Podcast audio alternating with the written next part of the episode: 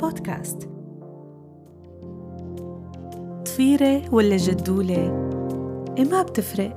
شغلتنا مانها كتير مشربكة. ثلاث خصلات رح نطفرون بحكاية وحدة.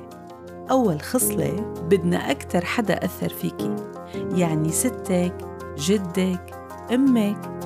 هداك الجيل اللي ما عرف التكنولوجيا ولا عاش قضايانا ومفاهيمنا ثاني خصلة ذاكرتك عنه. أما الثالثة هي أنتِ. احكي لنا حكايتك الصغيرة الخاصة كامرأة سورية. نضجت بين هداك الجيل وذاكرتها عنه وتعقيدات اليوم. اكتشفي وضوي علينا خبرة وحكمة بست دقايق عبر سوريا بودكاست. اسمعونا من خلال Apple Podcast Google Podcast و SoundCloud جدولة من سوريا بودكاست